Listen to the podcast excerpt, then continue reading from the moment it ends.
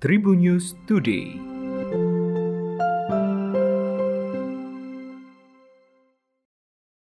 Halo Tribuners, berjumpa kembali bersama Hakim di Tribun News Today. Hakim akan berbagi informasi menarik hari ini, mulai dari informasi nasional, mancanegara, selebritis, dan olahraga. Komisi Penyiaran Indonesia atau KPI tengah menjadi sorotan publik setelah munculnya kasus pelecehan seksual dan perundungan yang terjadi di lingkungan kantornya. Selain itu, sorotan kepada KPI juga mencuat lantaran Ketua KPI Pusat, Agung Supriyo menyebut penyanyi dangdut Saipul Jamil boleh tampil di televisi setelah bebas dari penjara atas kasus pencabulan dan juga suap. Namanya pun sempat merajai trending topik di Twitter sejak Jumat 10 September kemarin.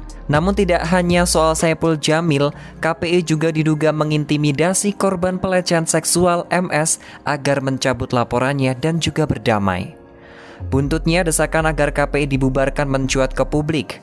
Banyak warganet yang mendukung hingga nama KPI dibubarkan sempat menjadi trending topik beberapa waktu yang lalu. Kabar terbaru Partai Solidaritas Indonesia atau PSI melalui juru bicaranya Dara Sution juga menuntut pemerintah dan DPR RI untuk membubarkan KPI. Tuntutan itu muncul terkait dugaan intimidasi yang korban pelecehan seksual MS agar korban mencabut laporannya. Dia menambahkan dari tahun ke tahun masyarakat hampir tidak pernah mendengar kinerja positif dari KPI. Menurutnya masyarakat hanya terus-menerus disodorkan dengan kontroversi demi kontroversi. Dara juga menyinggung anggaran operasional KPI yang mencapai 60 miliar rupiah. Dia mengaku tak rela uangnya yang dibayarkan ke negara melalui pajak harus digunakan membiayai lembaga yang tak becus bekerja. Pandemi COVID-19 yang masih mewabah di Indonesia menyebabkan semua elemen masyarakat terkena dampaknya. Banyak orang membutuhkan bantuan dalam hal kebutuhan sehari-hari, terutama bahan makanan, saat kebijakan pemberlakuan pembatasan kegiatan masyarakat atau PPKM diberlakukan. Seperti yang dilakukan kelompok anak muda dan masyarakat yang peduli terhadap warga yang kelaparan yang tergabung dalam komunitas anti lapar Purwokerto. Mereka menggelar operasi lapar dengan membagikan makanan kepada masyarakat yang membutuhkan. Sebenarnya gerakan ini sudah dilakukan sejak lama dan menjadi salah satu wujud kepedulian masyarakat untuk saling bantu satu sama lain. Namun menghadapi kondisi PPKM darurat, operasi lapar kembali mengintensifkan gerakan pembagian makanan berupa nasi rames. Bahkan tak hanya eventual, operasi lapar ini digelar hampir di setiap malam. Secara khusus komunitas ini menjangkau berbagai sudut kota Purwokerto untuk terjun langsung membagikan makanan. Salah satu relawan operasi lapar Sutrisno atau lebih akrab disapa Kang Tris mengungkapkan bahwa operasi lapar adalah gerakan yang diinisiasi oleh masyarakat yang peduli terhadap mereka yang memiliki ekonomi lemah. Operasi lapar biasanya diadakan pada waktu malam hari dengan menyediakan 75 hingga 100 bungkus nasi rames yang akan dibagikan tergantung dana yang terkumpul. Namun di balik bungkusan nasi rames tersebut terkandung niat baik dari para warga.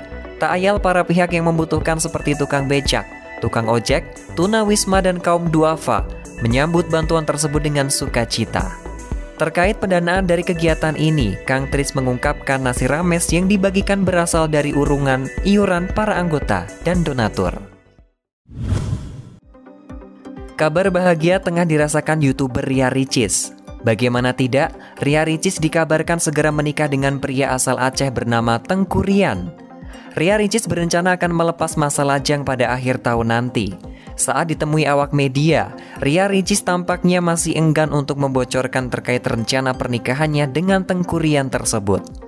Hal ini diketahui dalam video yang diunggah di kanal YouTube KH Infotainment pada Jumat 10 September kemarin. Perempuan yang akrab disapa Ricis ini hanya memohon doa agar niat baiknya dapat dilaksanakan dengan lancar. Ia juga sempat menyinggung soal undangan, tetapi tanpa menjelaskan detail acara dan waktu yang dimaksud. Meski demikian, adik Oki Setiana Dewi ini mengaku belum dapat berbicara lebih jauh tentang kabar rencana pernikahannya itu. Namun salah satu desainer ternama langganan para artis Indonesia, Rakes Pakwandas, telah diminta untuk merancang busana pernikahan Ria Ricis dan Tengku Rian. Hal itu diketahui dalam video yang diunggah di kanal YouTube KH Infotainment pada satu hari sebelumnya, yakni pada hari Kamis, 9 September kemarin. Menurutnya, pihak Ria Ricis telah mempersiapkan busana yang akan dikenakan Ria Ricis dan Tengkurian di hari bahagianya nanti. Mulai dari prewedding, lamaran, hingga acara inti yakni pernikahan. Dalam kesempatan itu, Rakes juga membocorkan mengenai konsep baju pernikahan untuk Ria Ricis dan Tengkurian, ia mengatakan bahwa pada acara bahagia tersebut, Ria Ricis dan Tenggurian sudah menentukan mereka akan menggunakan konsep tradisional modern. Tidak lama lagi legenda MotoGP Valentino Rossi akan mempunyai anak dari pasangannya Francesca Sofia Navello. Diketahui calon anak yang berada dalam rahim Francesca berjenis kelamin perempuan. Valentino Rossi gembira saat mengetahui anak dalam kandungan Francesca itu berjenis kelamin perempuan. Pembalap yang memiliki julukan The Doctor itu tidak ingin anak perempuannya nanti jadi seperti bapaknya, seorang pembalap. Dikutip dari GP1, pasangan Valentino Rossi Francesca akan melahirkan bayi perempuannya. Valentino Rossi pun menyambut gembira kabar tersebut karena dia memang tidak ingin anaknya jadi pembalap. Apalagi menurut Valentino Rossi, pembalap motor perempuan sangatlah jarang. Meski ada pembalap wanita, salah satunya seperti Anna Carrasco yang berhasil meraih kemenangan pada Piala Dunia Super Sport 300 pada 2018 kemarin. Kabar Valentino Rossi akan memiliki anak perempuan dari pasangannya Francesca Sofia Navello adalah kabar bagus untuknya. Rossi menambahkan bahwa anak perempuannya nanti tidak akan menjadi pembalap di MotoGP. Rossi juga menambahkan dirinya tidak pernah terfikir bahwa sulitnya menjadi orang tua yang harus melihat anak perempuannya sebagai seorang pembalap. Pembalap Petronas Yamaha mengisahkan dirinya merasa sulit saat harus melihat adiknya sendiri dan menonton pembalap dari luar lintasan. Demikian tadi empat informasi terupdate hari ini Tribuners dan jangan lupa untuk terus mendengarkan Tribun News Today hanya di Spotify Tribun News Podcast dan YouTube tribunnews.com.